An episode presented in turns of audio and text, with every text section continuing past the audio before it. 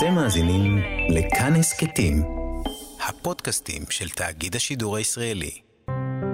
אנחנו כאן, כאן מורשת. ועכשיו, ידידיית הנאמי.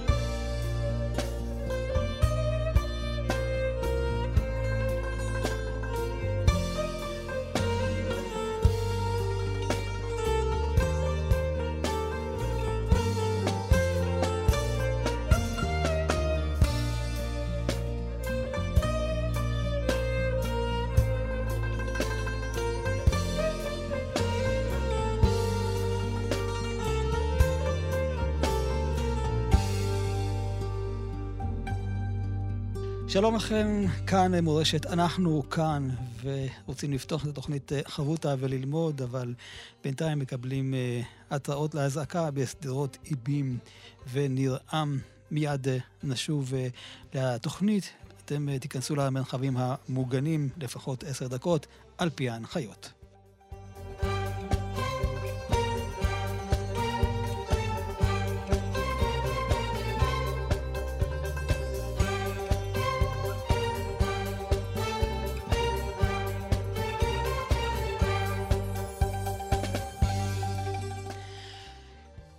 שלום, כאן מורשת. אנחנו כאן חברותא, לימוד משותף עם רבנים ואנשי חינוך בנושא תנ"ך, הלכה ואמונה.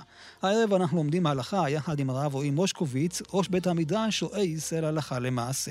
וכאן בצוות השידור, הטכנאי שלנו דוד מירן, ליד המיקרופון, ידידיה תנעמי. מצוות פדיון שבויים היא מצווה חשובה עד מאוד, כיוון שהגויים עושים בשבויים כרצונם. כפי שראינו במלחמת עזה, את ההתנהגות של מחבלי החמאס, את האכזריות הגדולה בהריגת אזרחים והתעללות בגופות.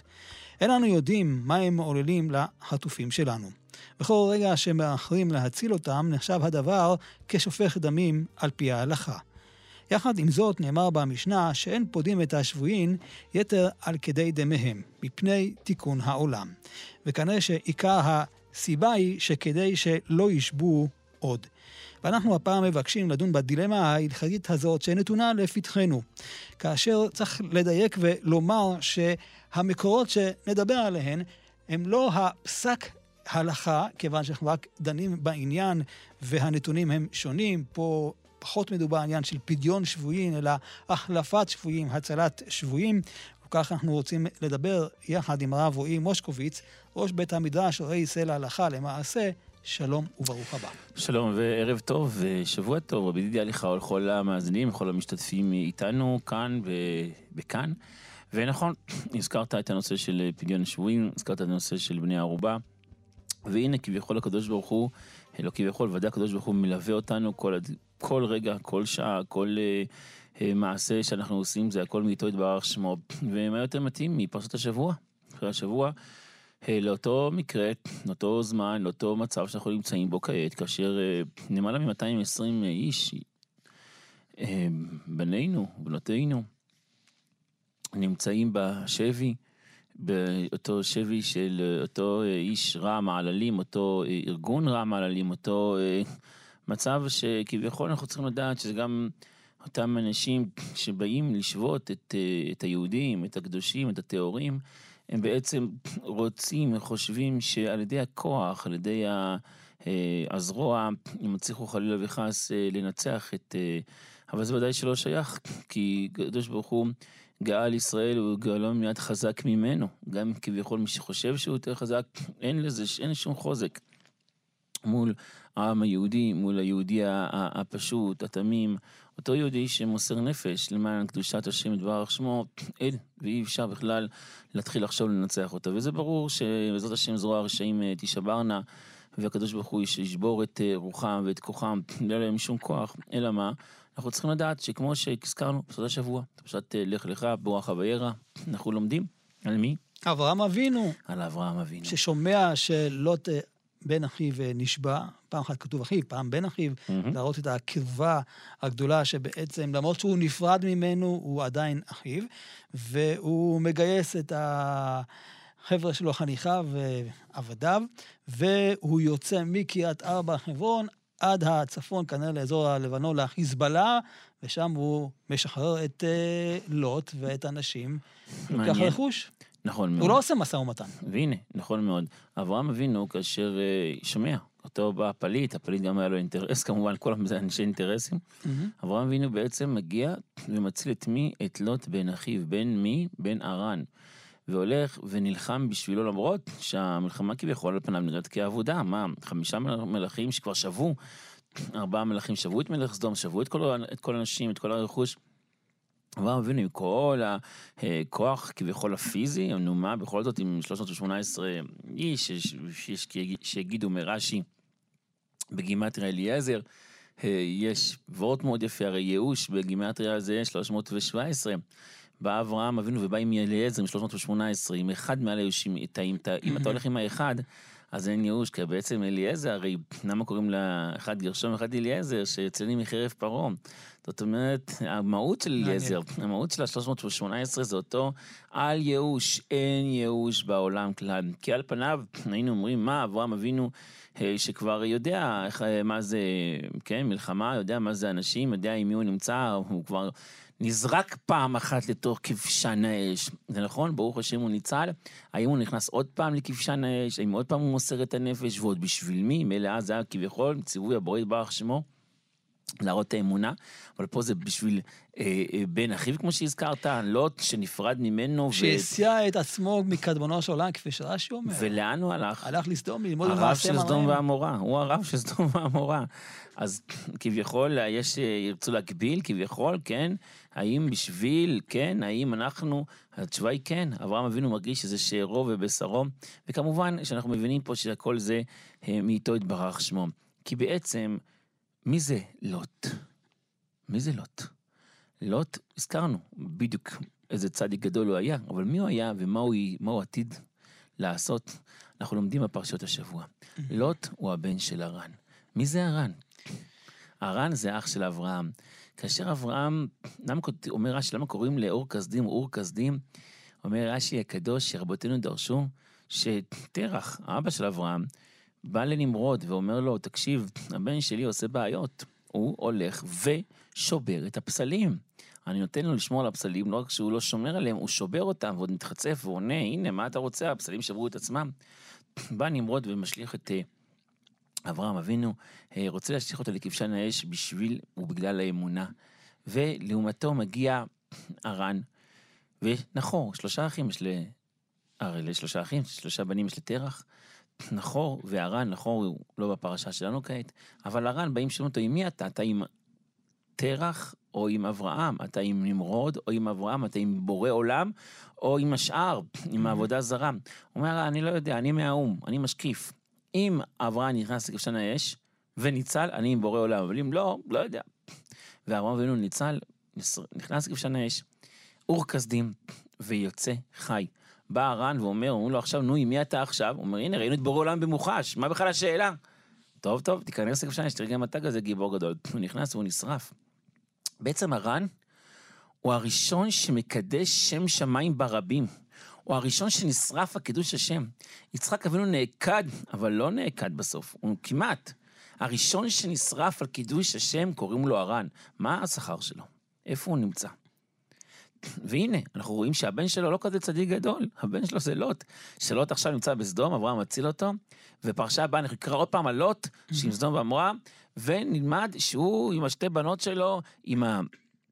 בנות, אה, בת אחת נולד לו בן, קוראים לו אה, מואב, בן שני קוראים לו עמון, זאת אומרת, לא איזה צדיק גדול.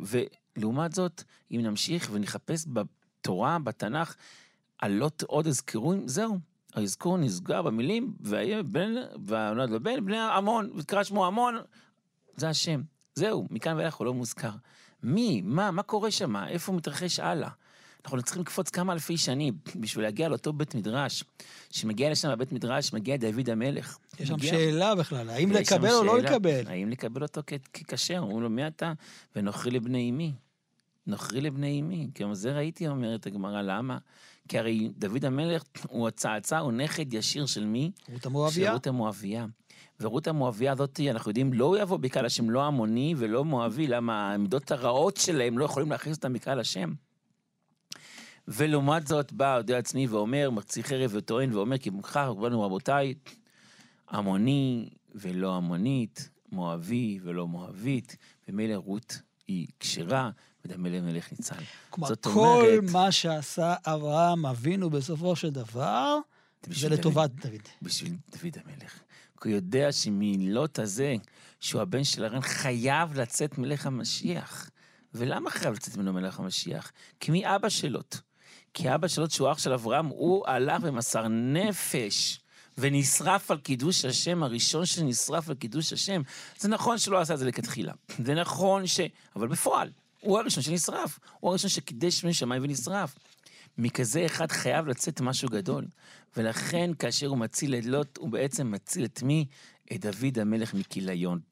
אז אם כן אנחנו נמצאים ולמדים שאין פה שיקול בכלל בכלל של מי, מה, מו, היו פה פלסטיין, לא, לא משנה, יש ימני, שמאלני, זה לא מעניין. יש לנו פה עסק עם חיות אדם, עם רוצחים שפלים, עם אנשים שחושבים שהם ינצחו את עם ישראל. בעצם כשהם נלחמים בעם ישראל, רבי ידידיה, הם לא נלחמים ביהודים. הם נלחמים גם ביהודים וגם בישראלים. הם בעצם רוצים להילחם כי חזק ממנו, כביכול. כביכול הם רוצים להגיד שהם יותר חזקים מבורא עולם, ואל זה בורא עולם לא ישתוק. כי בורא עולם לא יכול לשתוק בכזה מצב כשכביכול המלכות שלו נמצאת בש... כביכול, הנה, הנה הגויים, למה אמרו הגויים אהיה אלוהיהם? יוודע בגויים לאם נקמת דם עבדיך השפוך ואומר.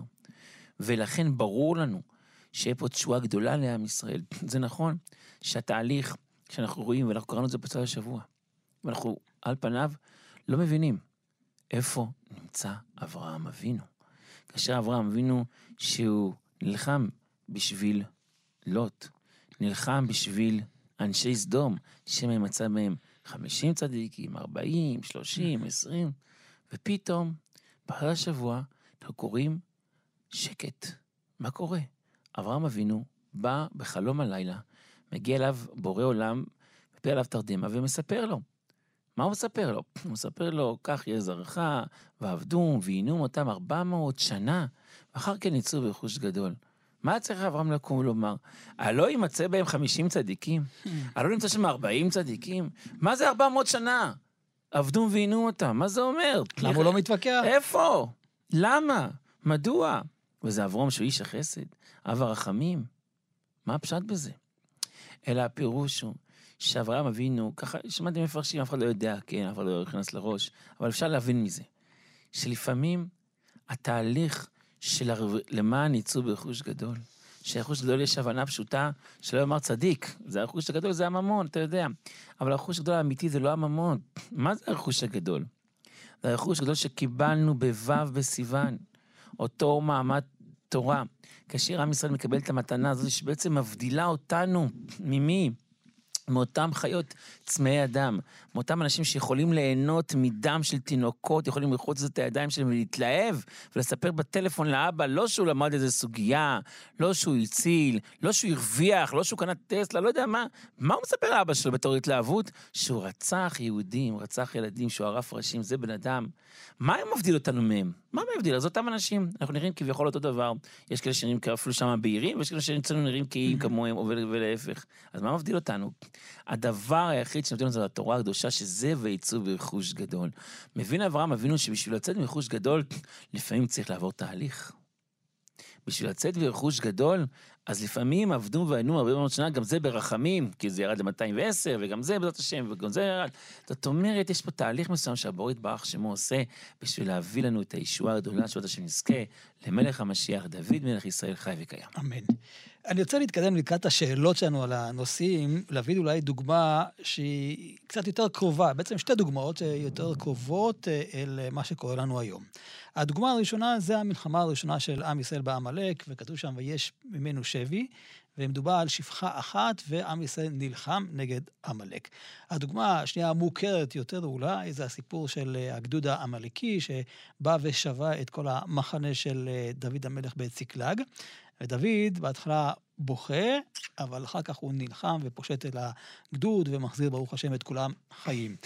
יש כאן את הרעיון של מלחמה בעמלק, כאשר עמלק הוא מייצג, כפי שאנחנו יודעים, את הרוע וגם את ההתנהגות של מה שראינו שם בצקלג, את השרפה של הבתים, את אה, בזיזת הרכוש וכל מה, ש, מה שקרה. אבל שוב, כשניגשים לכאן, אני רוצה אולי כהקדמה, הרב, לנסות עד כמה אפשר לבוא ולהשוות בין הסוגיה הזאת של הפדיון שבויים למה שקורה כאן היום. יש כמה שאלות שהייתי ככה מעלה ונדון על כך אה, בהמשך.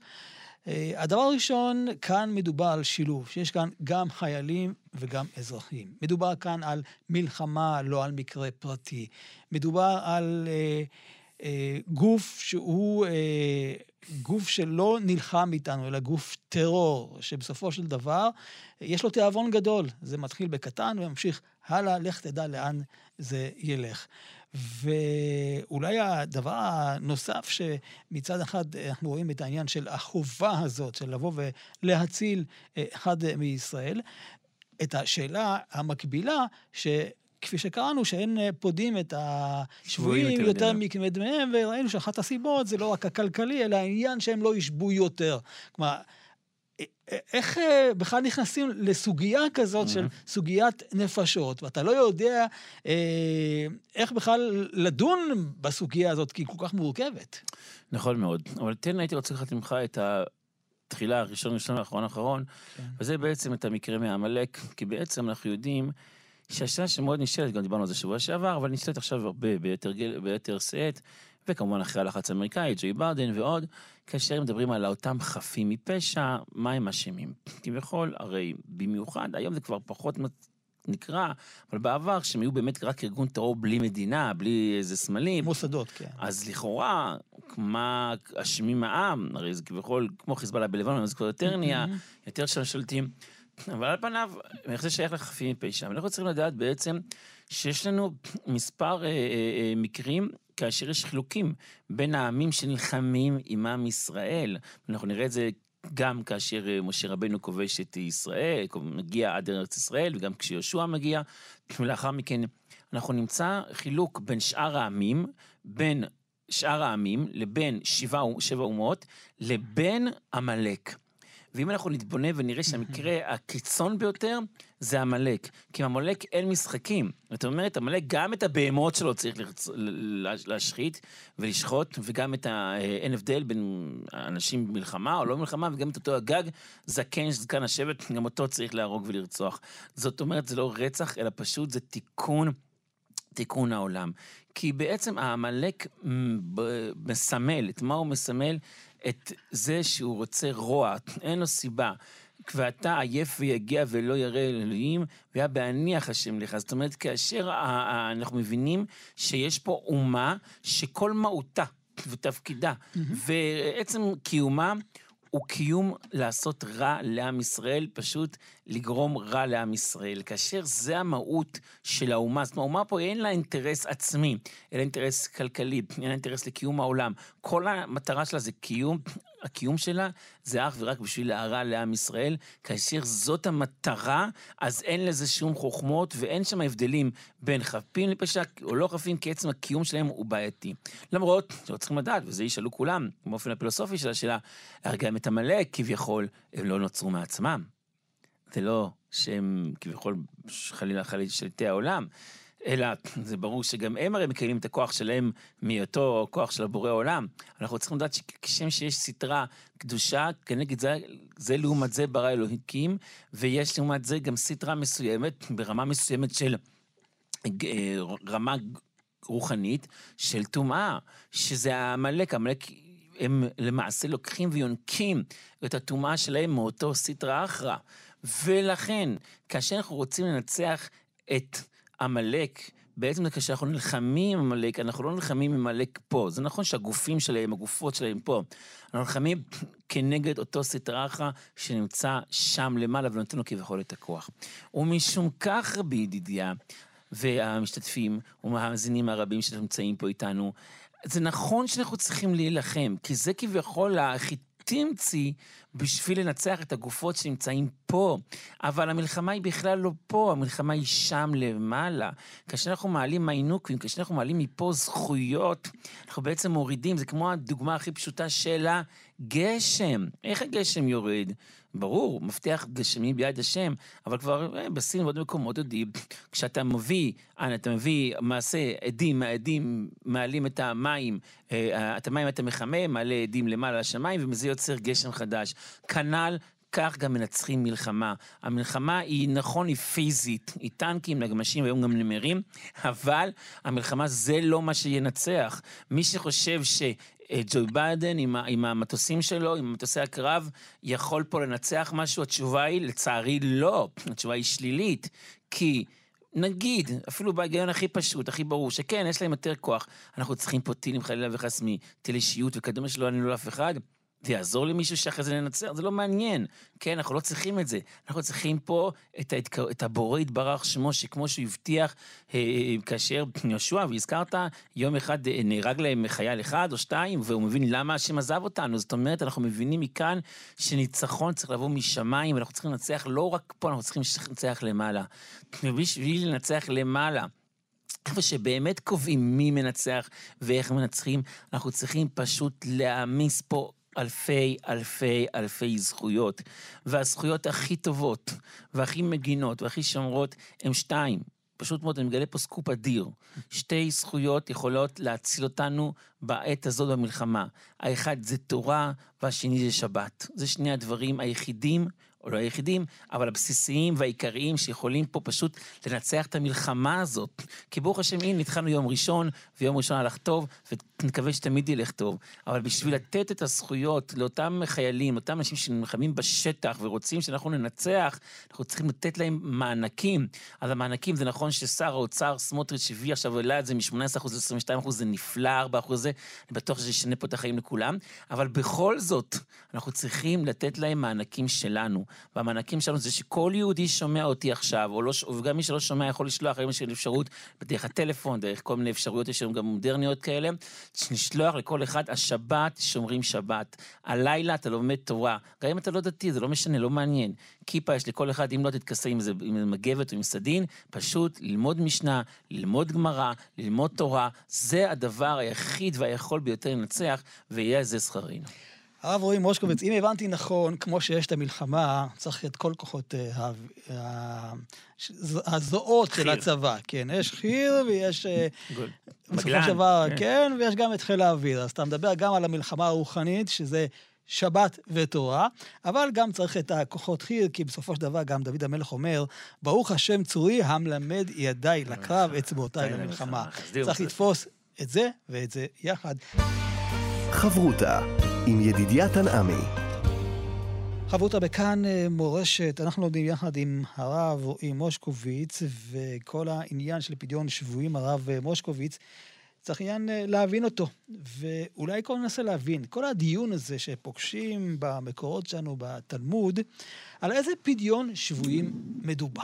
האם על מלחמה, על מקרים רגילים של שגרה? נכון מאוד.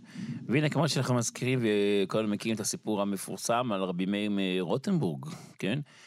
מה שמוגדר, מי שמוגדר המערב, הוא הרב של כולם, אחד הראשונים הגדולים, שלקחו אותו אה, בשבי ופשוט ביקשו ממנו, ביקשו מהקהילה לבוא אותו בסכום רב גדול, והוא לא הסכים, הוא לא הסכים שיפדו אותו, למרות שהיה אפשרות לבדות אותו ונאסף הכסף, הוא לא הסכים, וזה אחד הסיפורים אולי המעניינים ואולי ההירואיים שהיו בעם ישראל.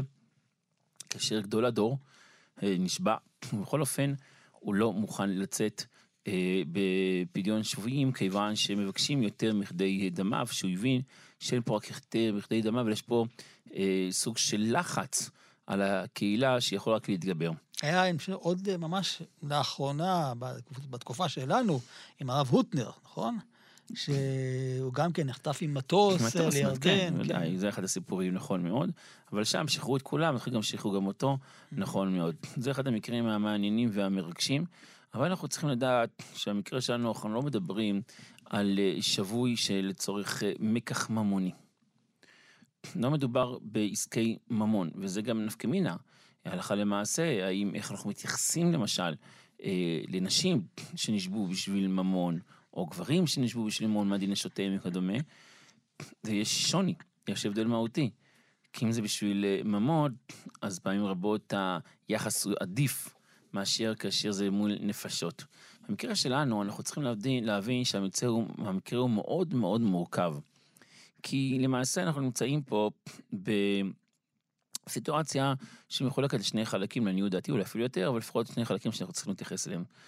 א', באופן האישי. זאת אומרת, באופן המשפחתי, באופן הפרטי של אותו אדם, שנחטף, אותם אנשים שהיו קרובים לעוטף, והם נחטפו, ובאופן הקהילתי, זאת אומרת, הציבור רוצה להחזיר אותם, המשפחה רוצה להחזיר אותם, המקורבים שלהם רוצים להחזיר אותם הביתה, כי רוצים להמשיך שימשיכו לחיות את החיים שלהם ללא, בצורה חופשית, בצורה שקדוש ברוך הוא ברא.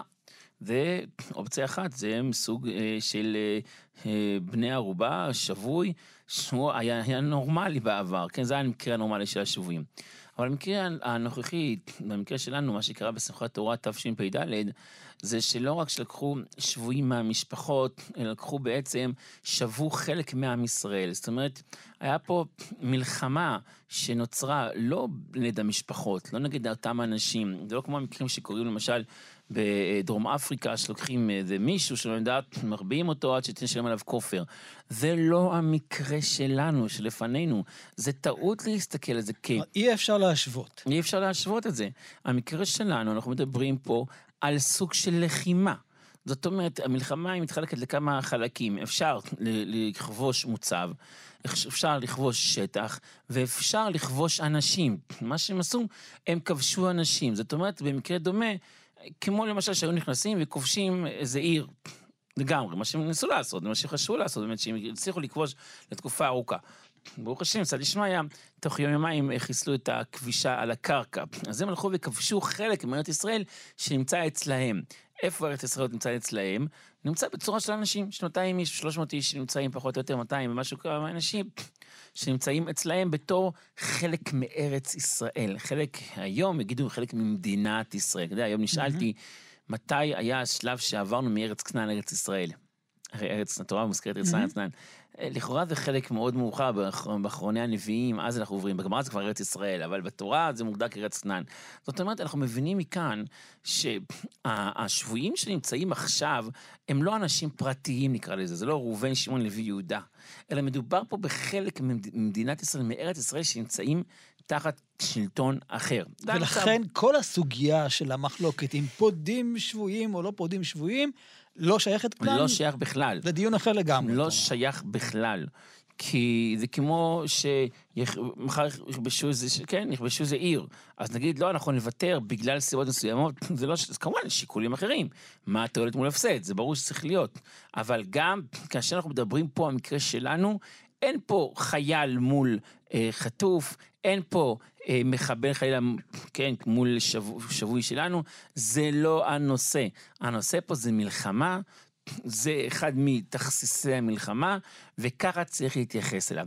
ולכן, טוב מאוד גם בשיקול הבסיסי, שלא יצרו איתם שום אה, אה, משא ומתן. זאת אומרת, כן, כן, אם היה אפשר, אה, בצורה מסוימת, לגרום שהשבויים יבואו לכאן בצורה חכמה, שאנחנו לא נשלם על זה יותר מדי, אז תמיד זה טוב, כמו שכבשו קרקע והיית מצליח mm-hmm. להוציא אותם בקלות. אבל זה לא נראה שאותם רשעים ארורים, אה, יימח שמם, שרוצים רק לעשות רע, אה, יוותרו מרצונם.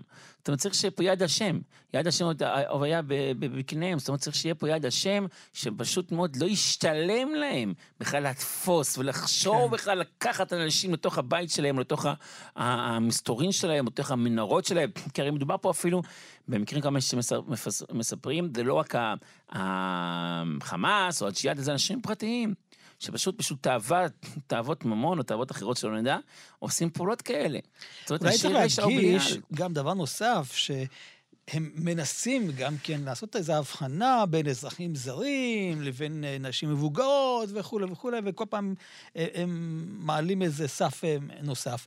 ואם זה לפי הגישה של הרב, בעצם אין הבדל בין חיילים לבין אזרחים לבין כל מי שנמצא שם. ברור שלא. כי אם זה היה במהלך קרב, והיו תופסים חיילים, ואחרי זה במהלך אחר היו תופסים אזרחים, היית אומר, כן, הנה, יש הבדל בין אזרחים, כי נתפסו על דעת אחרת. אבל פה הם תפסו מכל הבא ליד. זה לא מעניין אותם, אפילו את האריתראים הם רצחו שם. כן, לא מעניין אותם, תאילנדים, מה, מה הם עשו לכם רע, תאילנדים האלה? הם כולה כתבו תפוזים. אלא מה, היה להם שיגעון, טירוף של מלחמה כנגד עם ישראל. וכאשר זה המקרה, אז ככה ורק ככה צריך להתייחס אליו.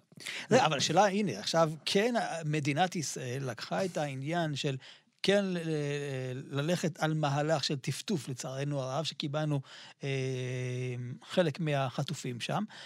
אז מבחינת ההלכה, זה לא היה צריך לקרות, היה צריך להמשיך אה, מבחינת ההלכה לבוא ולומר כל זמן שלא כולם עכשיו חוזרים, לא מקבלים אף אחד?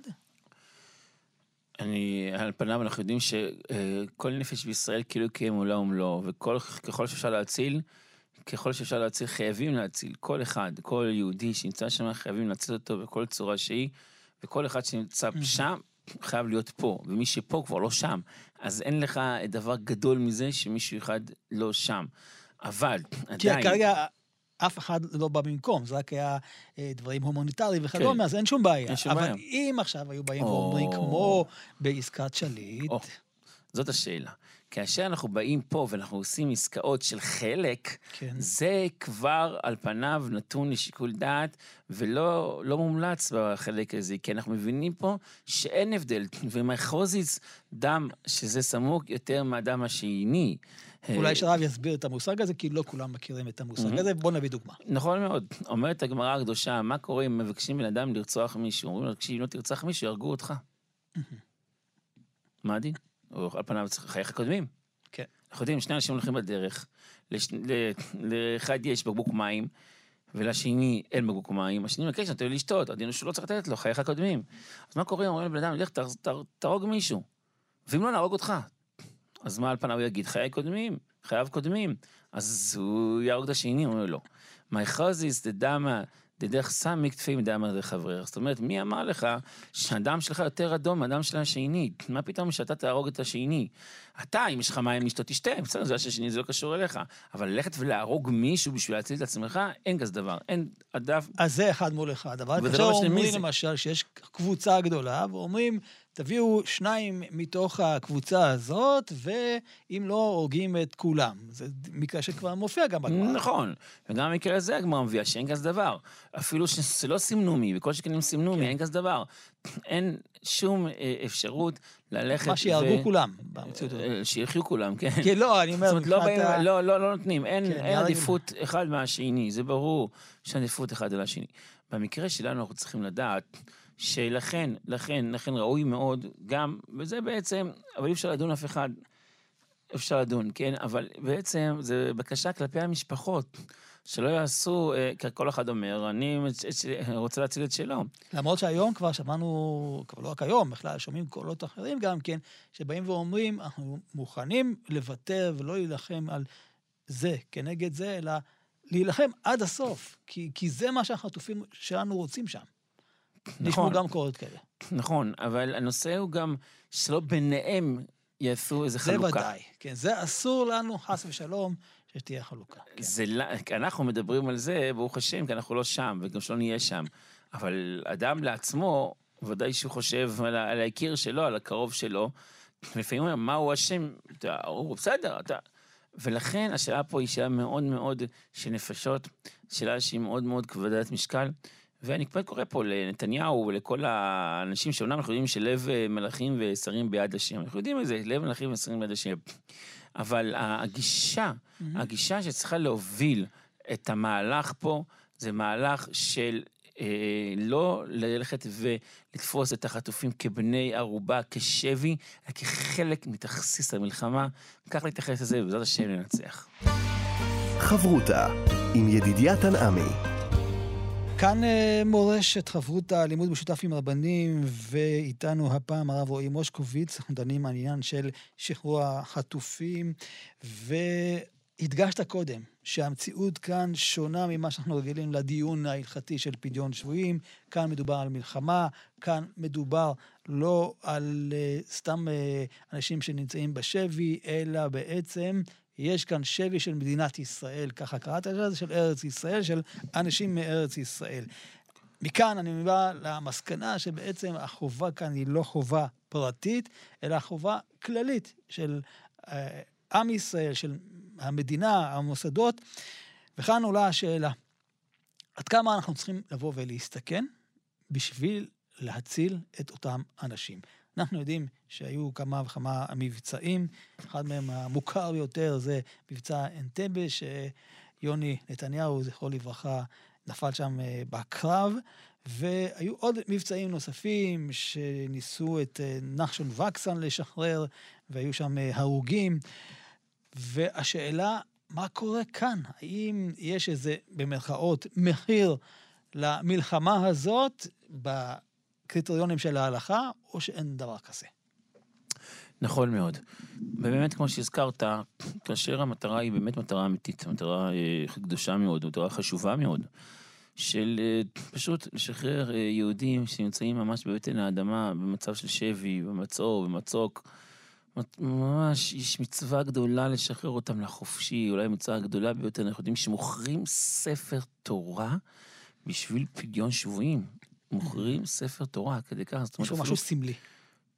גם סמלי וגם כביכול זה הרוח, החלק הרוחני. אנחנו ברוך השם בדור השפע, שיש בכל בית כנסת 17 ספרי תורה, אבל פעם זה אולי בעיר אחד ספר תורה, זה הספר תורה היחיד שיש להם. Mm-hmm. הולכים ומוכרים אותו בשביל להציל איזה יהודי, זאת אומרת שמביאים פה את המשמעות. כי אנחנו יודעים. כי יפסיקו לקרוא בתורה, זה, זה המשמעות. ממש כך, ממש כך, כן, לא יהיה ספר תורה, לא, אין. יהיה פה דור של המרצים יכול להיות, אבל יהיה פה יהודי שיכול לקיים את התורה, ואולי בזכות, בזכותו יתקיים ויימשך התורה. זאת אומרת, אנחנו מבינים מה המהות ומה הכוח של פדיון יושבים ולמה ומדוע אנחנו צריכים ללכת ופשוט אה, לעשות הכל בשביל זה. אבל כמו שהזכרת, יש לנו אפשרות אה, חלילה וחס לסכן אחרים בשביל השבויים, על פניו הסברה הייתה אומרת שאין אין איזה שום אה, היתר, כי עוד פעם, מה החזית? זה דם אה, שלך עדיף מדם השבויים, או מי אמר שדם השבוי יותר טוב מדם החייל החי והנושם. אלא כמובן, כשאנחנו נמצאים פה במצב של מלחמה, שלא מבדילים... שכולנו כבר. שלא מבדילים כן. בין אה, חפים ללא חפים, זאת אומרת, מצב אחר, בכזה מצב, ההסתכלות היא אחרת לגמרי. אבל אני חושב שבאמת, אתה רואה, אנחנו נמצאים פה עכשיו ממש בתחילת הלחימה, המבצע הקרקעי, שנכנסו בשעה טובה, בעזרת השם שגם יצאו לשלום ובשלום.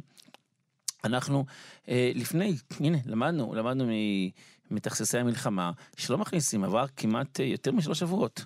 וביקשנו, ממש ביקשנו, ללכת ולהיכנס אה, קרקעית, אבל זה לקח זמן רב.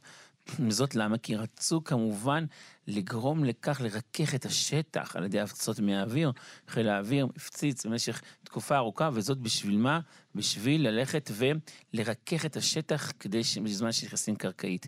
אני חושב שזה התפקיד שלנו פה, אנחנו, אנחנו אה, בני האדם, היהודים, שומרי תורה ומצוות, התפקיד שלנו זה לרכך את השטח. איך אנחנו נצליח להגיע לאותם שבויים, איך נצליח אה, להגיע לאותה שחרור, בעזרת השם, במהרה, של אותם אנשים שנמצאים בבטן האדמה, במצור ובמצוק. זה רק על ידי שאנחנו פה נעשה ריכוך. איך נעשה ריכוך? והריכוך שלנו הוא ריכוך לא, לא בהפצצות, זה אנחנו לא יודעים, לא כל אחד יכול לקחת מטוס אפאצ'י וללכת ולהפציץ או בואינג. זאת אומרת, אנחנו צריכים לעשות את זה על ידי הפעולות שלנו. מה הפעולות שאנחנו יכולים בהם על ידם לרכך ולגרום לכך שהשבויים האלה ישתחררו? ושבע בצדקה, ציון במשפט תתפדם. זה חיל האוויר שלנו, שדיברנו קודם. זה חיל האוויר, זה המתנות, זה הצנחנים שלנו. מה הצנחנים שלנו? הצנחנים שלנו זה כאשר כל יהודי באשר הוא, והזכרנו, אין הבדל, אין, המושג הזה חרדי הוא לא שייך, המושג דתי הוא גם לא שייך. כל יהודי באשר הוא יכול, ויש לו את הזכות, ויש לו את היכולת. ללמוד תורה, ללמוד גמרא, ללמוד משנה, לקרוא תהילים. אז כן, מי שקשה לו עם הגמרא, עם הבבלי, אז יכול ללמוד uh, משניות, יכול ללמוד מוסר, יכול לקרוא תהילים אפילו, משהו מינימלי. מי שקשה לו uh, כל יום, כל היום להיות עם תפילין, יניח תפילין כמה דקות ביום. כמובן אמרנו שני דברים שהכי יכולים פה להציל את המערכה, זה הכוח של התורה הקדושה, שהוא בלתי נתפס, הוא בלתי לגל, לא נתפס בכלל הכוח של התורה הקדושה, והשבת הקדושה. כאשר אנחנו נשמור את השבת הקדושה ביחד עם התורה הקדושה, זה בעצם הריכוך שלנו בשביל שאנחנו נצליח, בעזרת השם, ובכוחות משותפים, להוציא אותם שבויים בפדיון שבויים, ללא שום, בעזרת השם, ללא שום אה, אה, תקלה, בעזרת השם, בניצחון גדול, לסייע לשמוע לעם ישראל. אמן, תודה רבה לך, הרב רועי מושקוביץ, ראש בית המדרש, רואה ישראל הלכה למעשה. כאן ידידיה תנעמי. אתם מאזינים לכאן הסכתים, הפודקאסטים של תאגיד השידור הישראלי.